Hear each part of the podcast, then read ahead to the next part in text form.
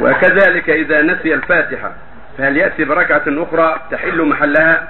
وهل يسجد سجود السهو؟ إذا كان مأموم معلش أما إذا كان امام أو منفرد فيأتي بركعة بدل الركعه التي تركها الفاتحه أما كان مأموم فالمأموم تابع لامامه إذا نسي أو فاته القيام أجزأه ما ترك عليه.